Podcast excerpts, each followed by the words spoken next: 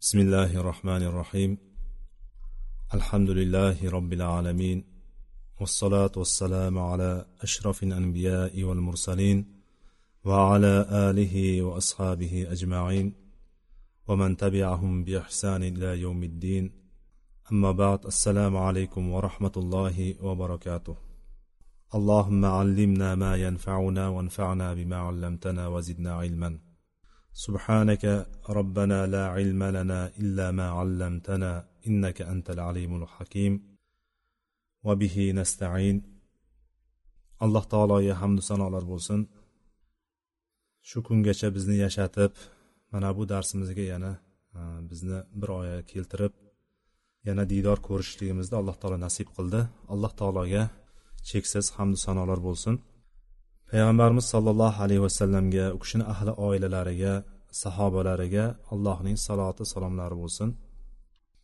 Biz riyoz solihin kitobidan yigirma birinchi bobga kelib to'xtagan ekanmiz. Yigirma birinchi bob babu fit taavuni alal birri va taqvo degan bob ekan. Yaxshilik va taqvo yo'lida hamkorlik qilishlik.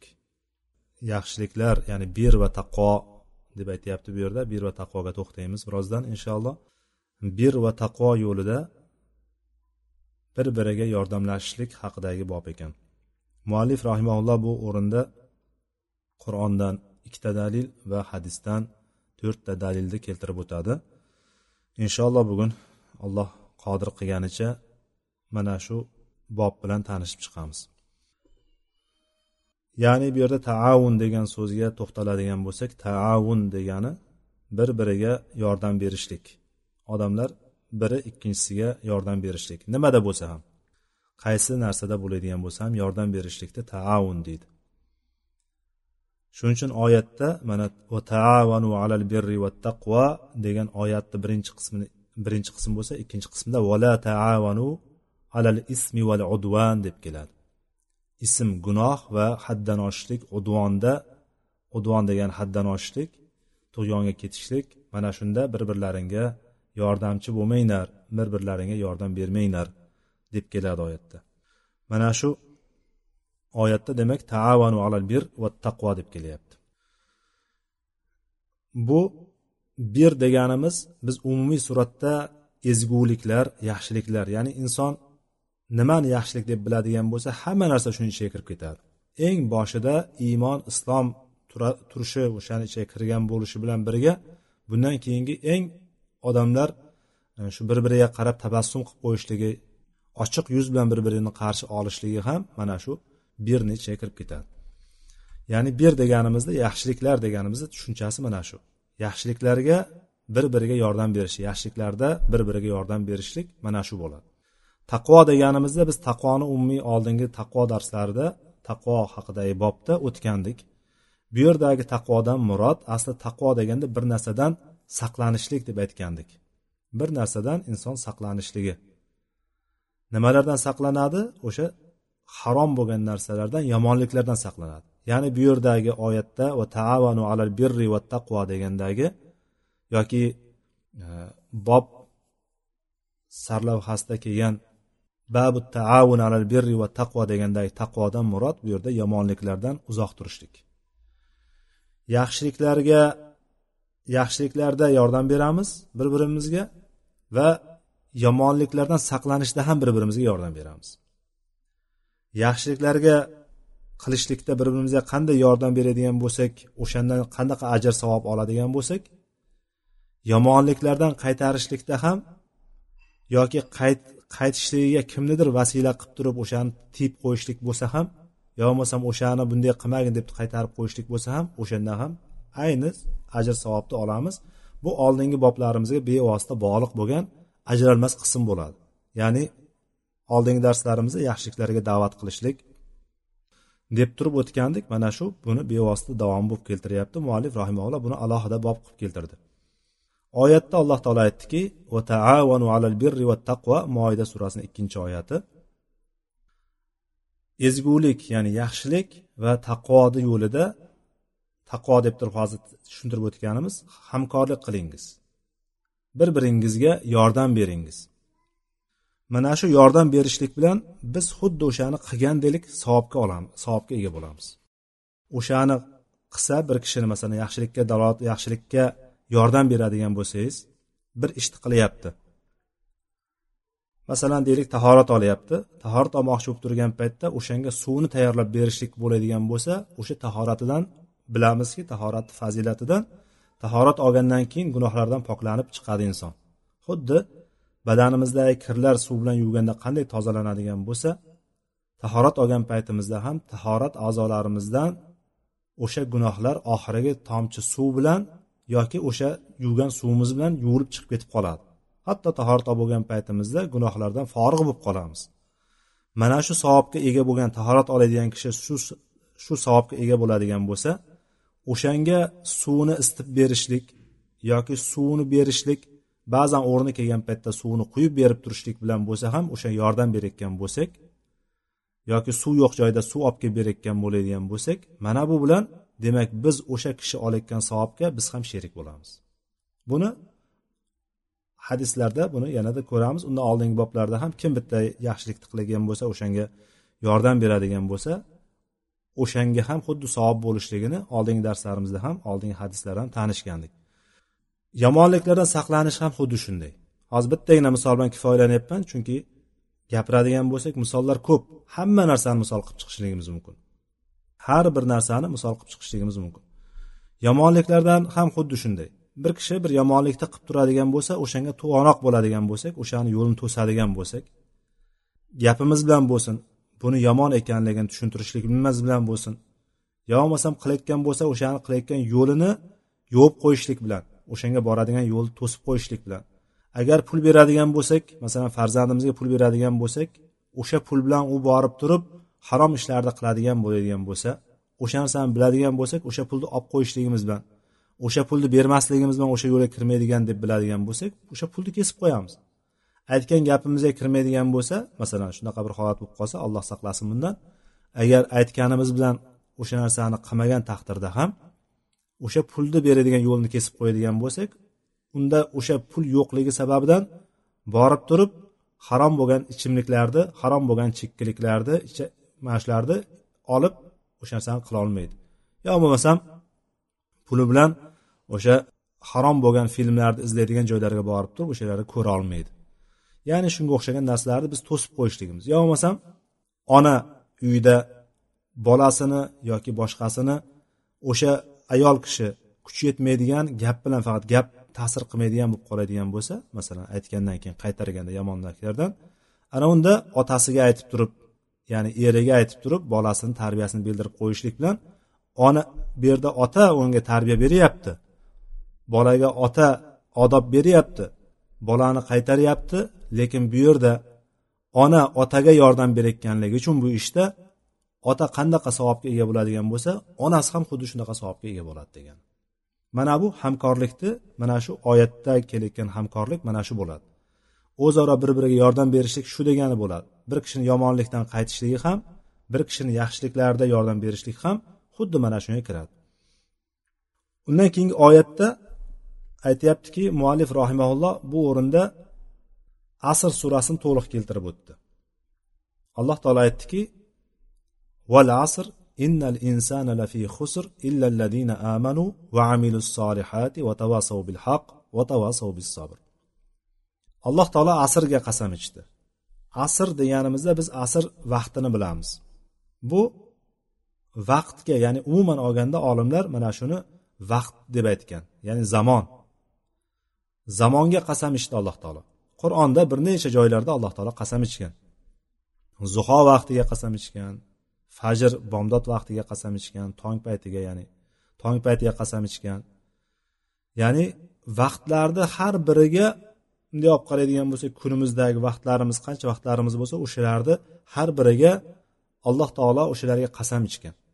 O'shalarni vaqtning zamonning inson uchun qanday ahamiyatga ega ekanligini bildirishlik uchun alloh taolo bu mana shu narsalar bilan qasam ichgan.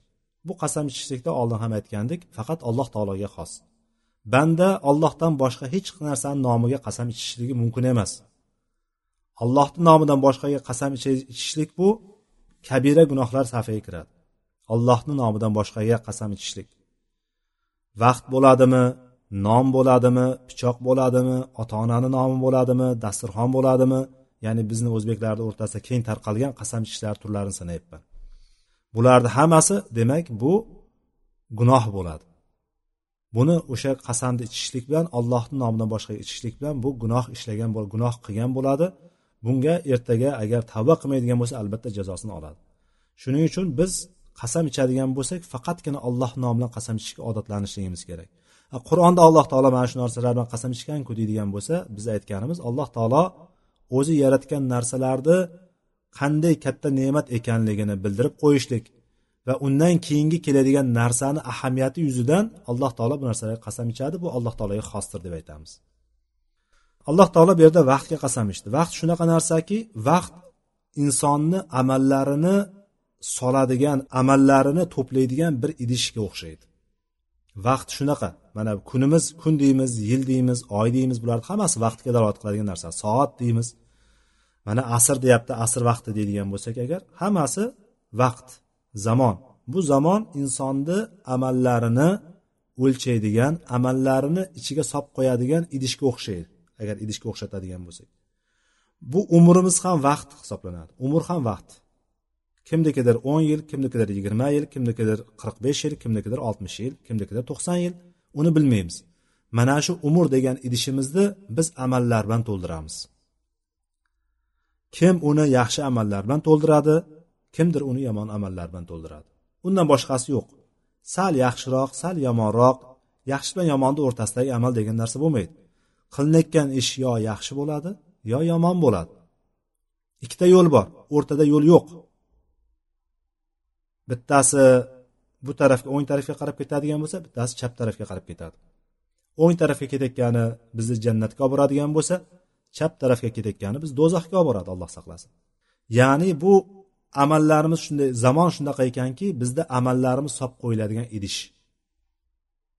Mana bu idishimizni nima bilan to'ldirayotganimizga qarashimiz kerak o'tkazayotgan vaqtimizga qarashimiz kerak. Har bir soat o'tayotgan vaqtimiz bizni mana shu idishimizni to'lib borishligi deb tasavvur qilishligimiz mumkin. Idishimizni nima bilan to'ldiryapmiz? Bir qarashligimiz kerak. Yaxshiliklar bilan to'ldiryapmizmi? Yomonliklar bilan to'ldiryapmizmi? Mana shuning uchun alloh taolo qasam bu qasamdan keyin aytyaptilarki alloh taolo aytyaptiki innal insana lafi xusr.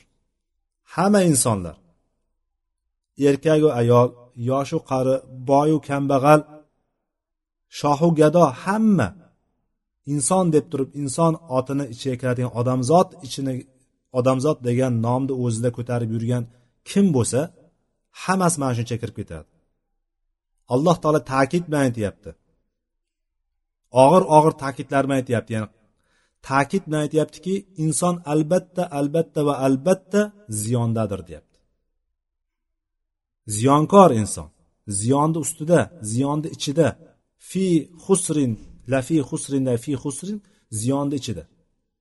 Insonni hayoti o'zi bunday qaraydigan bo'lsak butun mashaqqat boshdan oxirigacha mashaqqat. Tug'ilishni o'zi mashaqqat buni onani qornida turishligini qarang. Homilani qanaqa holatda turadi? Buklangan holatda turadi. Bunday qaraydigan bo'lsa buklanib eng og'ir holatda turadi. Hamma tomoni buklangan holatda turadi. Bunaqa qilib yotishlik o'zi inson qiyin bo'lgan narsa. Buni to'qqiz oy holatda shunaqa qilib yurib ba'zan ba'zan u yoqqa bu yoqqa qimirlatib qo'yishligi harakat qilib qo'yishligi bu o'sha yerdan boshlanadiki undan keyin tug'ruq jarayoni undan keyin har bitta bosqich o'zidan o'zi borgan sari qiyinlashib boraveradi. Butun mashaqqat. Endi mana shu mashaqqatlar ichida butun yashab turib necha yil umr ko'rsa ham eng rohatda yashaydigani ham ziyonni ichida bo'lib turaveradi. Bu dunyoda shuncha mashaqqatni ko'radi. Pul topish mashaqqati pulni sarflashlik mashaqqati ya'ni mana shunday hamma narsani mashaqqati bor. Уже inson pul topishlikka ham mashaqqat qilishligi kerak. Vaqt ajratishi kerak ishlashligi kerak bosh qotirishligi kerak.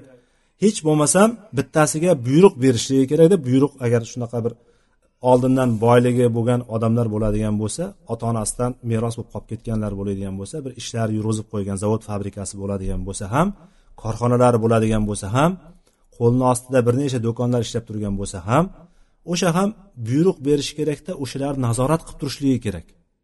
Ya'ni bu nazorat ham ba'zan shunaqa bo'ladiki ishlab turgan odamni xayolida hech narsa yo'q. Ishlayveradi buyurgan buyurilgan buyruqni qiladi o'sha pulni olib ketaveradi oyligini olib lekin ish beruvchi odam o'shani buyruqni bergan odam buni qilsam foyda keladimikan degan o'ylar bilan kechalar bilan mijja qoqmay chiqadi qancha kunlar. Ya'ni pul topish o'zi mashaqqat. Pulni ishlatishlik yana bir mashaqqat. Yeyish bir mashaqqat bo'ladigan bo'lsa yegan narsani chiqarishlik ham bir mashaqqat. Ya'ni har bir narsa mashaqqatni ustidada ya'ni ertaga qiyomatda boradigan bo'lsa oxiratda do'zax degan mashaqqati boradi ya'ni ziyoni bo'ladi ziyonkorligi bo'ladi. Hamma inson mana shunday. Buni ichiga hamma inson kirib ketadi. Alloh taolo bulardan istisno qilib to'rtta hislatga ega bo'lgan to'rtta sifatni o'zida mujassam qilgan kishilargina bu ziyondan chiqishligini aytgan. Mana shu oyatda. Aytyaptiki illalladina amanu bularni ichida iymon keltirganlar. Undan keyin vaamilus solihati undan keyin solih amallarni qilganlar solih ishlarni qilganlar undan keyin vatavasov bil haq haqqa bir birini tavsiya qilganlar haqqa bir birini chaqirganlar va sabrga bir birini chaqirganlar sabrga bir birini tavsiya qilib o'rgatganlar mana bulargina mana shu ziyondan chiqib ketadi. Dunyoyu oxirat ziyonidan chiqib ketadi. Buni birinchi qismi insonni o'zini nafsiga tegishli bo'lgan qismi. Birinchi qismi. Ya'ni insonni o'zini isloh qilishligi. Iymon keltirib amali solih qiladigan bo'lsa yaxshi amal qiladigan bo'lsa inson mana shu bilan o'zini isloh qiladi. Haqqa chaqirib haqqa tavsiya qilib sabrga tavsiya qilishligi bilan bu endi atrofdagi o'zidan boshqalarni isloh qiladi. Demak bu bilan jamiyat isloh bo'ladi degani birinchi qismi bilan o'zi isloh bo'lyapti ikkinchi qismi bilan jamiyat atrofdagilar isloh bo'lyapti. Iymon keltirishlik haqida boshidagi ixlos iymon boblarida buni gaplashganmiz. Iymonni illalladina amanu degandan keyin la ilaha illalloh muhammadu rasululloh deb qo'yishlik bilan ish bitmaydi. Uni ichida biz g'ayb olamiga tegishli bo'lgan butun e'tiqodlarimiz mana shu iymon qismiga kirib ketadi. Allohni tanishligimiz alloh haqidagi butun fikrlarimiz allohni fe'li sifatlari allohni alloh haqida bilgan ism sifatlarini butun ism sifatlarini bilishligimiz va allohgagina ibodat qilishligini bilishligimiz. Qaysi narsalar shirk bo'ladi qaysi narsalarni qiladigan bo'lsak biz allohga yaqinroq bo'lamiz. Va qaysi gaplarni gapirishimiz mumkinu qaysilari mumkinmi emas degan qismi allohga tegishli bo'lgan qismi. Ya'ni allohni tanishligimizga kerak bo'lgan allohga iymon keltirishligimiz qismi. Undan keyin maloikalar kitoblar payg'ambarlar oxirat kuni va taqdirni yaxshi va yomoniga iymon keltirishlik. Mana shu qismlarni hammasiga iymon keltirgan kishi bu mo'min bo'ladi. Ya'ni bu e'tiqodimiz degani bu e'tiqoddan aqida hisoblanadi. Mana shu qismi illalladina amanu degan qismida iymon keltirishlik deganimizda mana shu qismi aqida qismi hisoblanadi. Ana undan keyin insonni qalbi butun tushunchalari dunyoqarashi islomiy dunyoqarash bo'lgandan keyin ana undan keyin amali solih qiladi. Qalb butun jasadga nisbatan podshomidi podsho endi o'zini askarlariga o'zini qo'l ostidagi vazirlariga xalqiga buyuradi o'zi yoqtirgan narsani o'zi yaxshi ko'rgan narsani xalqiga buyuradi. Podsho allohga iymon keltirdimi? Qalbimiz allohga iymon keltirdimi? Olloh tanidimi? Ibodatni yaxshi ko'rdimi? Jannatni yaxshi ko'rdimi? Do'zaxdan uzoq bo'lishni xohladimi? Endi a'zolarimizni o'shanga majbur qiladi. Bu majbur qilishligi bizda a'zolarimizda ko'rinadi. Ko'zimizdan qulog'imizdan tilimizdan boshlab butun a'zolarimiz endi solih ishlarni qilishlikka kirishadi. Mana bu solih ishlarni qilishligimiz bilan biz isloh bo'lamiz endi. Yaxshilik yo'llarini ko'pligi haqidagi bobda yaxshilik yo'llariga solih amallarga nima kirishligini hammasini gapirganmiz. Solih amalni qoidasi bor. Solih amal qachon solih amal bo'ladi qachon yaxshi amal bo'ladi? Birinchisi allohga ixlos bo'lganda ikkinchisi payg'ambar sollallohu alayhi vasallamga ergashganimizda ya'ni mana shu ikkita shartdan bittasi tushib qoladigan bo'lsa bu amal solihlikdan tushadi. Solih amal hisoblanmaydi. Allohni huzurida maqbul bo'lmaydi u. Allohni huzurida maqbul bo'lishlik uchun bitta amalimiz ixlos bo'lishligi kerak unda.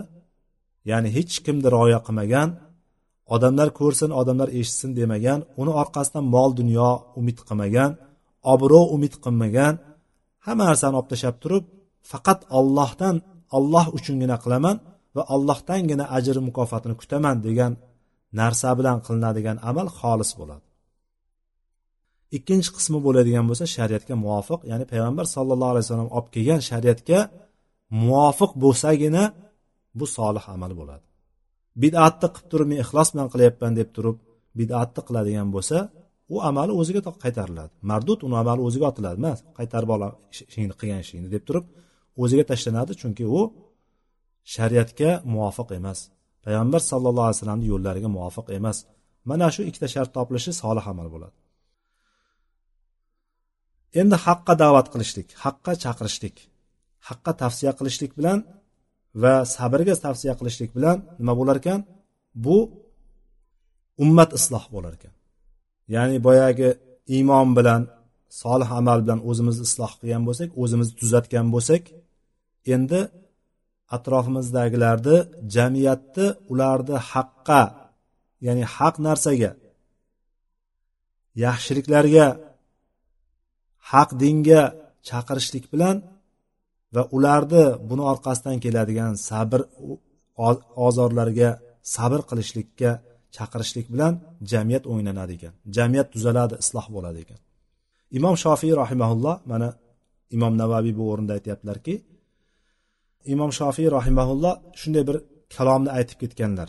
Uning ma'nosi shundayki innan nasa au aksarahum fi g'aflatin an tadabburi hadhihi sura degan. Insonlar birinchisida insonlar deb aytyapti. Hamma insonlar.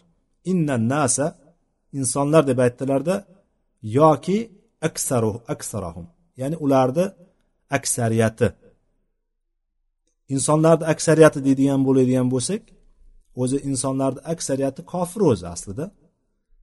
Insonlarni aksariyati chunki musulmonlar boshqa jamiyatlarga qaraganda kufr jamiyatlariga qaraganda g'ayrimuslimlar jamiyatiga qaraganda musulmonlar oz. Shunda ham insonlarni ko'pchiligi allohga iymon keltirmagan. Endi qolgan kamchiligini ichida ham o'shalarni ham aksariyati shu jumladan biz ham bu oyatni bu surani ya'ni bu surani tadabburidan g'aflatdamiz.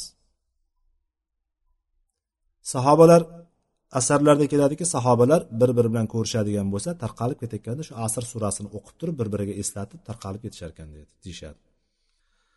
Tadabbur qilishlik degani nima degani tadabbur qilishlik degani tafakkur qilishlik.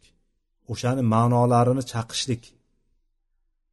Taammul qilishlik o'shani mulohaza qilishlik. Shoshilmasdan o'sha nima deyapti bu yerda deb tafakkur qilishlik va oqibatini ko'ra olishlik degani tadabbur mana shu.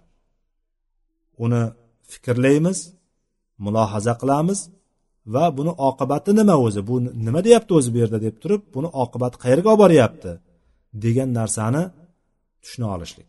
Chunki oyatda aytyaptiki insonlar hammasi ziyonda to'rtta sifat. Demak to'rtta sifatga biz ega bo'lishlikka harakat qilishligimiz kerak.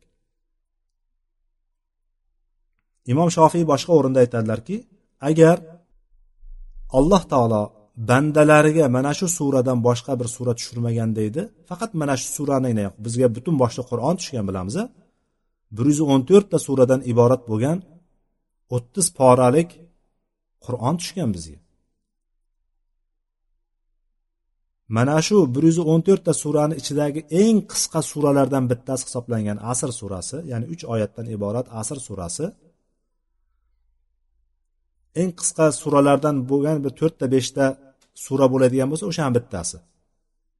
Mana shu asr surasi tushib boshqa sura tushmaganda edi ularga kifoya qilgan bo'lardi deydi.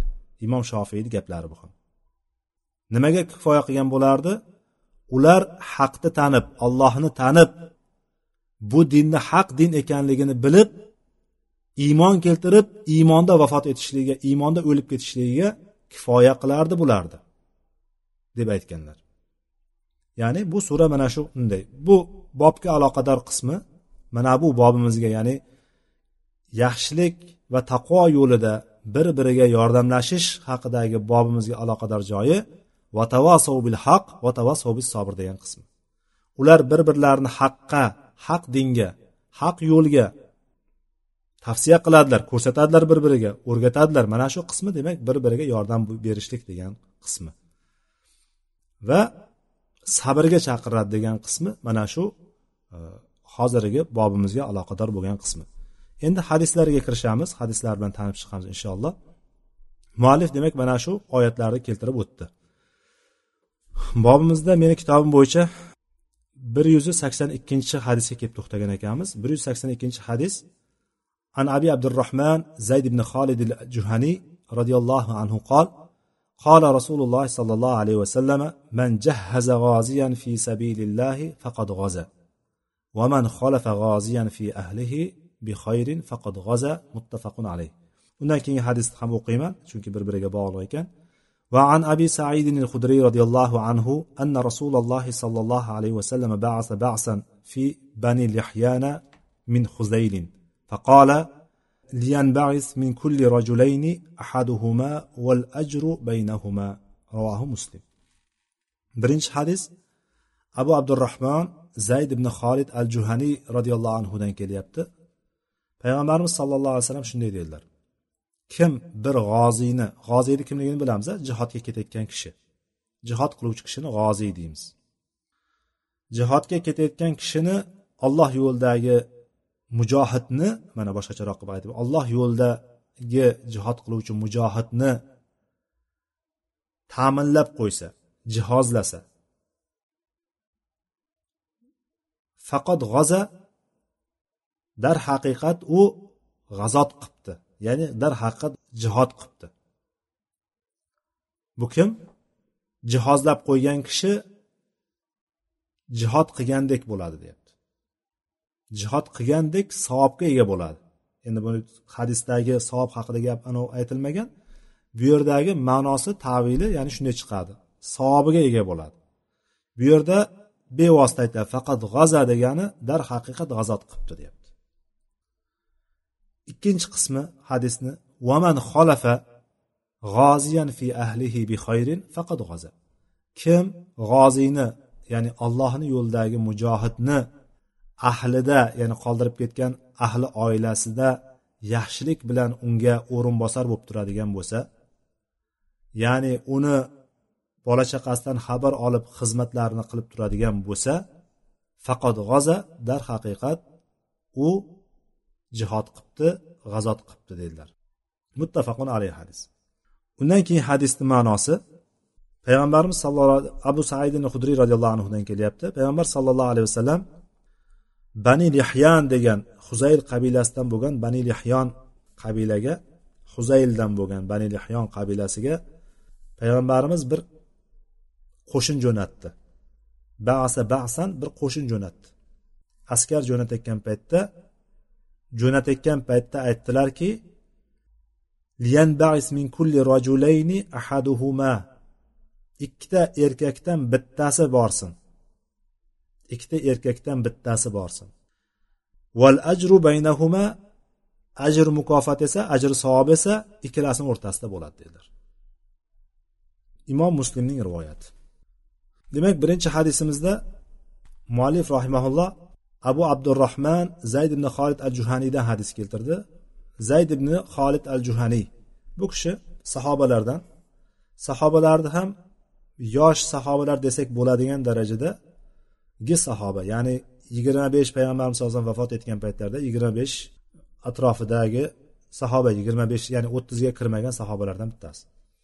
Bu kishi juhaniy qabilasidan juhayna qabilasidan shuning uchun juhaniy o'shanga nisbatlangan. Kunyasini abu abdurahmon yoki abu zura deb turib aytilgan ekan. Imom navaviyni tarjihi imom navaviyni qanoati bo'yicha abu abdurahmon deb keltirdi mana hadisda. An abi abdurahmon deb keltirdi.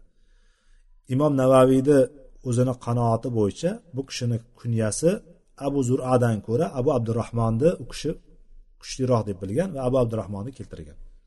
Payg'ambarimiz sollallohu alayhi vasallam bilan shu hudaybiya kunida ishtirok etgan hudaybiya sulhi bo'lgan paytda ishtirok etgan va makka fathi kuni makka fathi bo'ladigan kuni shu juhayna qabilasini bayrog'ini ko'tarib kelgan kishi mana shu kishi bo'ladi. Zayd ibn xolid al juhaniy juhayna qabilasini bayrog'ini ko'tarib chunki har bir qabila o'zini bayrog'i bilan kelardi. O'sha kunlardagi odat har bir qabila o'zini bayrog'i bilan kelardi. O'shanda juhayna qabilasini bayrog'ini ko'tarib kelgan kishi bayroqdori mana shu kishi bo'lgan. Ya'ni bayroqdor bo'lishlik o'sha kunda bayroqni ko'tarishlik o'sha qavmni ya'ni o'sha bir qabilani amiri sifatida ko'rilgan. Keyinchalik bu kishi shu madinaga joylashgan madinasiga kelib o'rnashgan o'sha yerga va o'zidan keyin sahobalardan ham bir qanchasi said ibn yazid said ibn hallat va boshqa bir qanchasi bu kishidan rivoyat etgan. Hadis rivoyat qilgan yani. Payg'ambarimiz sallallohu alayhi vasallamdan chunki bilamiz sahobalar sahobalardan rivoyati bor. Ba'zan sahobalar sahobani tashlab turib rivoyat qilishligi mumkin. Bevosita. Masalan abu hurayra makka davridagi hadislarni aytib berishligi mumkin. O'rtadagi sahobiyni gapirmasdan. Ba'zan bo'lsa sahoba sahobani aytadi. Men palonchi sahobadan eshitdim deb turib aytadi. Mana shu ya'ni zayd ibn xolid al juhaniydan said ibn yazid said ibn hallat degan va boshqa sahobalar bu kishidan rivoyat qilganligi kelyapti. Tobeinlardan bo'lsa ya'ni sahobalardan keyingi avloddan bo'lsa o'zini o'g'li xolid va undan keyin boshqa bir qancha tobeinlarni kattalari abu harb said ibn musayyab abu salama urva va boshqalar bundan hadis rivoyat qilgan. Ya'ni bundan ko'rinadiki bu tobeinlar shu sahobadan dars olgan shu sahobadan hadis eshitganligi keladi. Zayd ibn horid sakson bitta hadis rivoyat qilgan ekan. Payg'ambarimiz sallallohu alayhi vasallam sakson bitta hadis rivoyat qilgan ekan. Uzun umr ko'rgan bu kishi sakson besh yoshlarida vafot etgan. Hijriy ellik sakkizinchi yilga to'g'ri keladi. Madinada vafot etgan va o'sha yerda dafn qilingan. Alloh taolo bu kishidan rozi bo'lsin. Bu kishini bizga rivoyat qilib bergan hadisida payg'ambarimiz sallallohu alayhi vasallam jihodga aloqador bo'lgan bir hadisni bizga aytib berdi. Bir kishi jihodga ketayotgan bo'lsa o'sha jihodga ketuvchi kishini butun jihozlar bilan ta'minlab qo'yyapti. Kerakli narsalar bilan ta'minlab qo'yyapti. Kerakli narsalar nimalardan iborat? O'sha kundagi holatni olamiz. O'sha kundagi holat mana bu hadis ya'ni payg'ambar sallallohu alayhi vasallam davridagi holatda nimalar kerak edi? Birinchisi ulov. Minadigan ulovi kerak. Eshakmidi hachirmidi otmidi tuyamidi xullas minaydigan ulov kerak.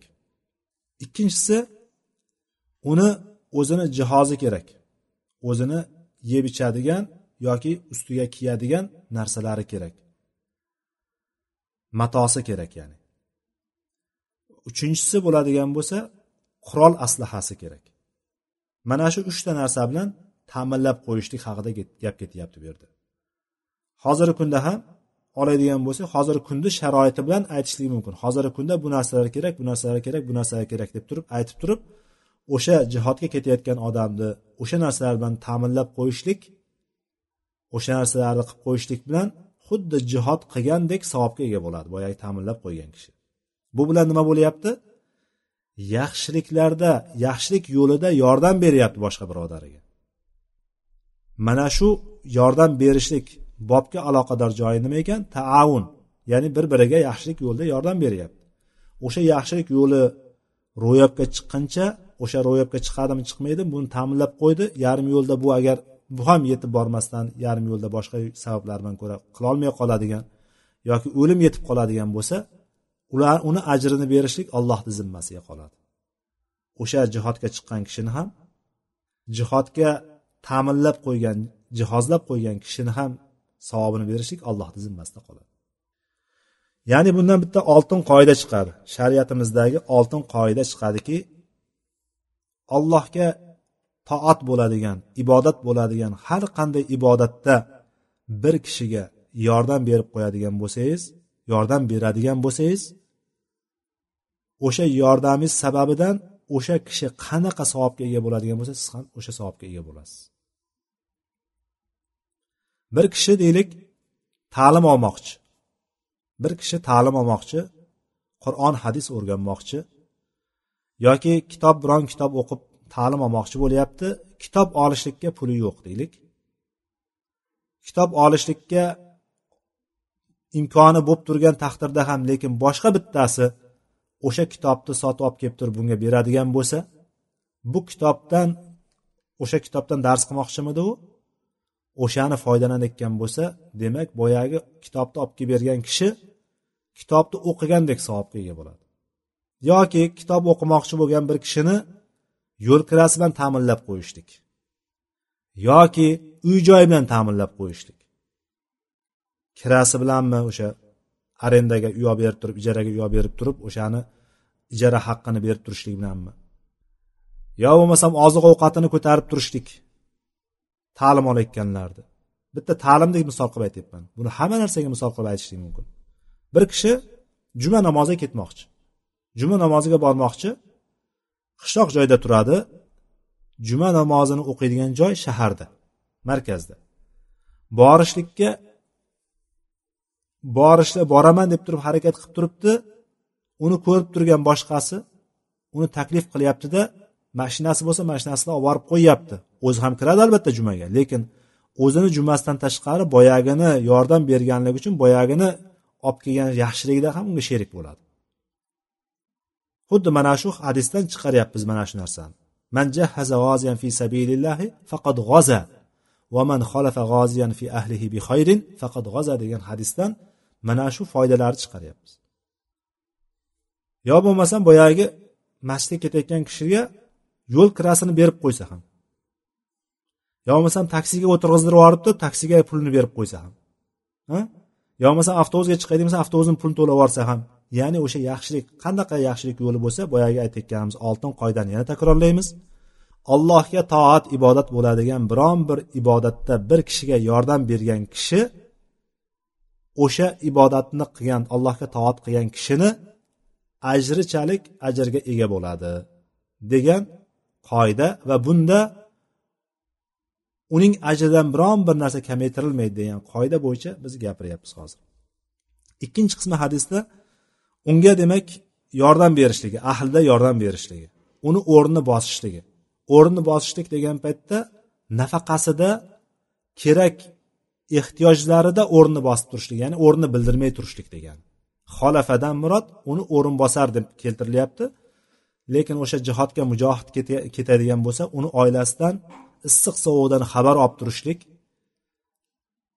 yeyish ichishidan turmush hayotidan kasalligidan bularni hammasidan xabar olib turib o'shalarga yordam berib turgan kishi o'shalarni xizmatida bo'lib turgan kishi xuddi borib turib jihod qilgandaylik savobni oladi. Demak bunda yaxshilik yo'llarini ko'pligi haqida gapirganimizda demak bular ham shuni ichiga kirib ketadi ekanki yordam berishlik bir biriga yordam beradigan bo'lsa qanchalik darajada katta narsani qo'lga kiritishlik mumkin ekanligi kelib chiqyapti. Kimdir imkoni yo'q. Olloh yo'lida jihod qilaman deb chiqmoqchi bo'lyapti lekin oilasini o'ylaydi. Oilam nima bo'ladi ekan? Deb turib uni oyog'idan ushlab qolyapti oilasi. Ana o'sha paytda bir kishi turadida men seni oilangga sen yo'g'ingni bildirmasdan butun xarajatlarini ko'taraman. Issiq sovuqdan xabar olib turaman deydigan bo'lsa boyagi kishi xotirjam keta oladi. Shuning uchun keyingi hadisda abu said hudriy roziyallohu anhudan kelgan hadisda payg'ambarimiz huzayl qabilasidan bo'lgan huzayldan bo'lgan bani lihyonga qo'shin jo'natayotgan paytda payg'ambarimiz aytdilarki qavmni yarmi borsin? deganlar o'shanda. Hadisda o'zini asliga qaytadigan bo'lsak birinchi payg'ambarimiz sallallohu alayhi vasallam ularni islomga chaqiradi. Islomga chaqirgandan keyin bani lihyonni islomga chaqirganda ular qabul qilishmaydi dinni qabul qilmagandan keyin payg'ambarimiz bir qo'shin jo'natadi va qo'shin jo'natganda ularga ham oxirgi marta islomga da'vat qilinglar qabul qilmaydigan bo'lsa ana o'shanda ularni ustiga urush ochinglar deb turib payg'ambarimiz jo'natayotgan paytda aytadilarki har bir qabiladan yarmi chiqsin? deydi. Har bir qabiladan jangga yarmi chiqsin? deydi. Har bir qabiladan yarmi chiqsin degani erkaklarni yarmi? Qolgan yarmi nima qiladi? Qolgan yarmi bu ketganlarni xonadonlaridan xabardor bo'lib turadigan ularni nafaqalarini ko'tarib turadigan xizmatlarni qilib turadigan bo'ladi. Mana shuning uchun hadisdagi lafz bo'yicha aytadigan bo'lsak har ikki kishidan bir kishi chiqsin. Bu har ikki kishidan bir kishi chiqsin deganda albatta bitta xonadonda ikkita erkak bo'ladigan bo'lsa bittasi borsin bittasi qolsin degani emas. U kunda o'sha kunda bitta qabiladan bitta oilada ikkita erkak bo'ladiganlar nodir bo'lishi mumkin edi. Bu yerda hadisda asliga qaytganimizda ikkita erkakdan bittasi chiqsin dedilar.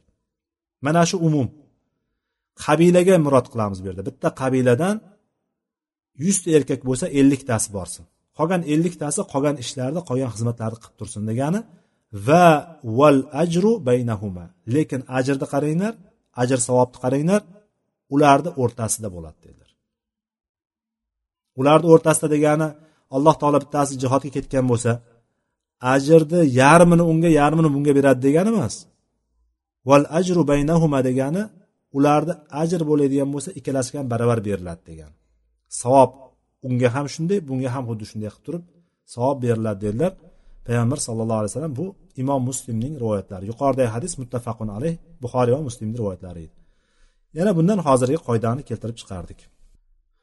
Undan keyingi hadis bir yuz sakson to'rtinchi hadis ekan.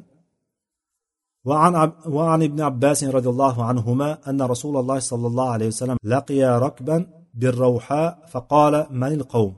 قالوا المسلمون. فقالوا من أنت؟ قال رسول الله. فرفعت إليه امرأة صبيا فقالت ألي هذا حج؟ قال نعم ولك أجر.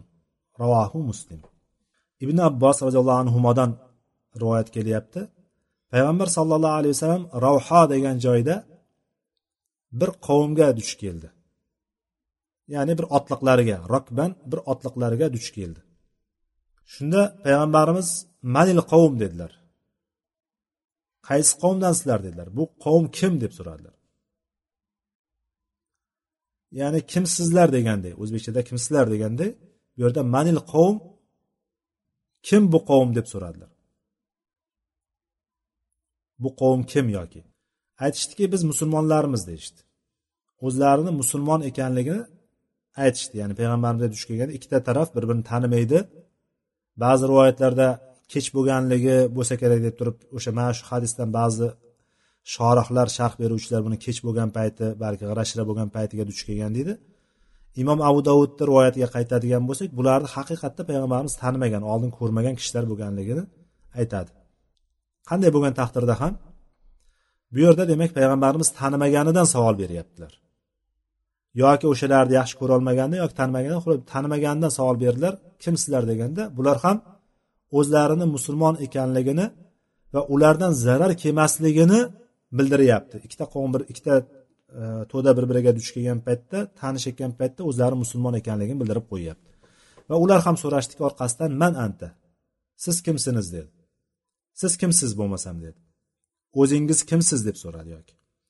O'zbekchalashtirib biroz lafzlarni o'zgartirib aytyapman o'zingiz kimsiz deganda payg'ambarimiz aytdilarki ollohning rasuliman dedi. Rasululloh dedi. Allohning rasuliman dedilar. Keyin bir o'sha oraliqda bir ayol payg'ambarimizga bir go'dagini ko'tarib ko'rsatdi. Sobiy kalimasi go'dak degani. Go'dak ya'ni e, bulug' yoshiga yetmagan desak ham bo'ladi.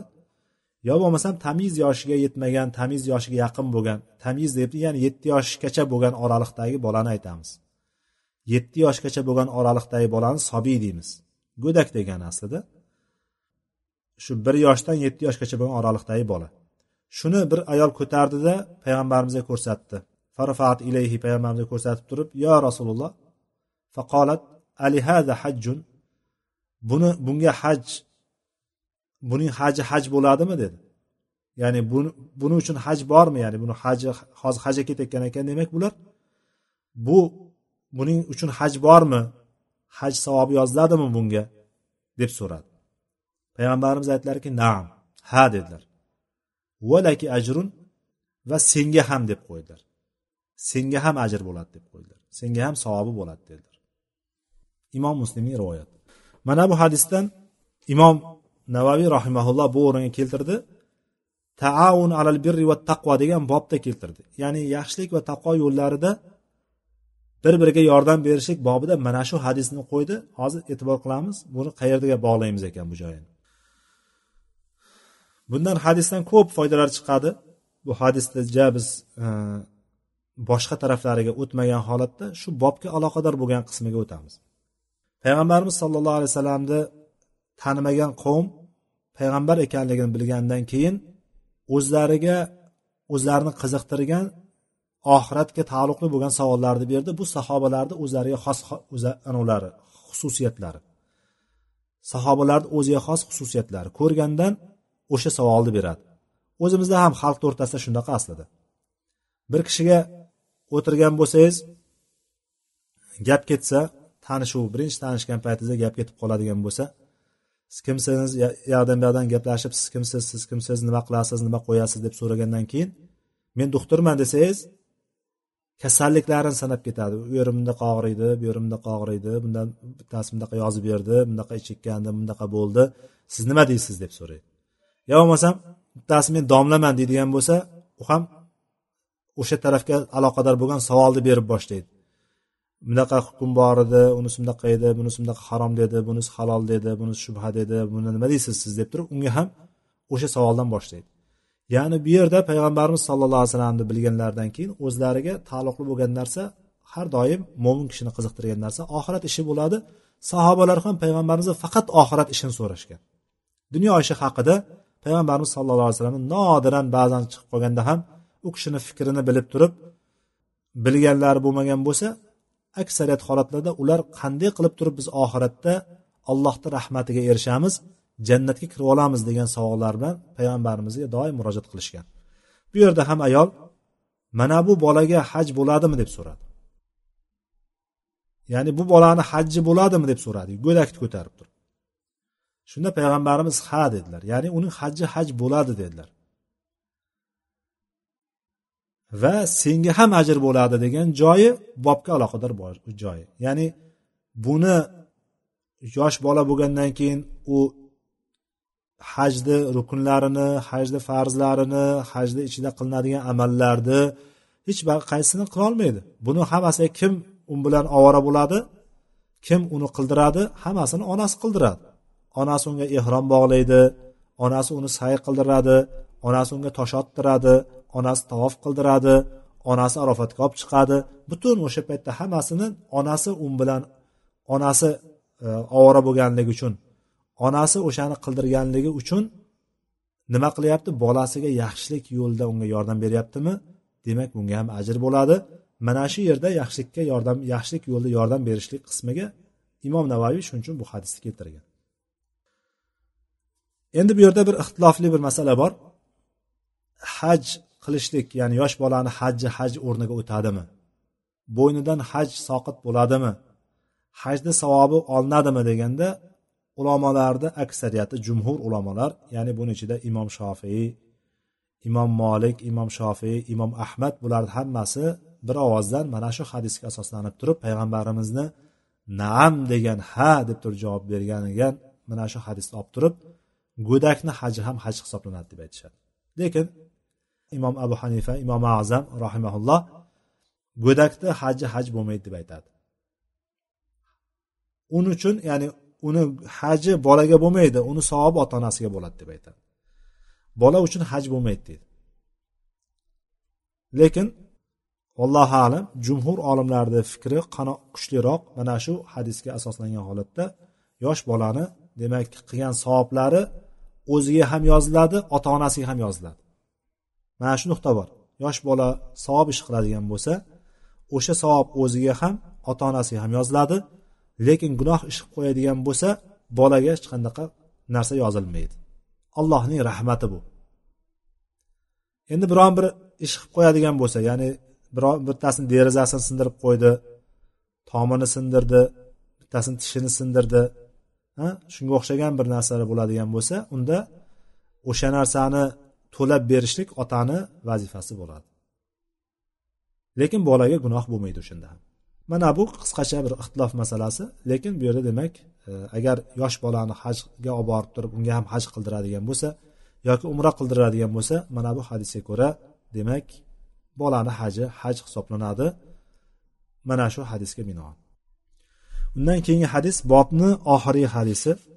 Men qisqacha qisqacha tez tez o'tib ketyapman. To'rtinchi hadis bobni to'rtinchi hadisi kitobimizda bir yuz sakson beshinchi hadisi.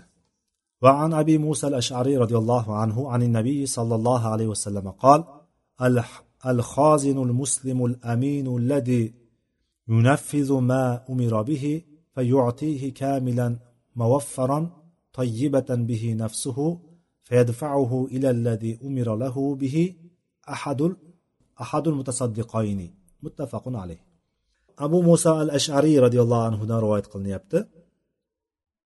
Payg'ambarimiz sollallohu alayhi vasallam aytdilarki al xozinul muslimul amin. Xozin xazinabon. Musulmon omonatdor xazinabon. Mana shu undan keyin buyog'i sifat bo'lib kelyapti. Alladi yunaffizu ma umira bihi. Unga buyurilgan narsani bajaruvchi va o'sha narsani hammasini mukammal tarzda beradigan kerakli o'ringa mukammal qilib beradigan ya'ni o'sha berishlik kerak bo'lgan o'ringa mukammal holatda va toyyibatan bihi nafsuhu fayadfahu ilalladhi umira lahu bihi. Ya'ni kimga berishlikka kerak bo'l kimga berishlik buyurilgan bo'lsa kimlarga o'sha xazinadan ulush ajratib turib berishligi kerak bo'ladigan bo'lsa o'shanda xushvaqtlik bilan ko'ngli bahri ochiq holatda to'la to'kis qilib turib beradigan kishi ya'ni xazinabon ikki sadaqa qiluvchi kishining bittasidir deb aytdilar payg'ambarimiz sallallohu alayhi vasallam. Ikkita sadaqa qiluvchi bo'ladigan bo'lsa o'shani bittasi dedilar. Ya'ni bu yerda aslida xazinabon o'zi sadaqa qilmayapti. Lekin o'sha sadaqa qilinadigan narsani buyurilgan o'ringa kerakli joyga sarflayapti. Kerakli joyga aytilgan joyga beryapti. Mana bu bilan o'zi bermagan taqdirda ham shu beruvchining savobini olyapti bu ham. Ahadul mutasaddiqayni degani ikkita sadaqa beruvchi kishi bo'ladigan bo'lsa o'shani bittasi dedilar. Chunki bu o'sha narsani sadaqani o'rniga yetib borishlik uchun yordam beryaptimi? Mana shu joyi demak bugungi bobimizga aloqador bo'lgan joy. Bu yerda demak xazinabonni sifatlari bor. Birinchisi muslim bo'lishligi musulmon bo'lishligi.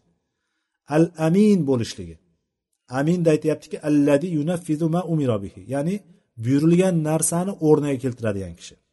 Buyurilganini bajaradigan kishi. Ya'ni buyurilganini bajaradigan omonatdor. Demak ikkinchi sifati ketdi.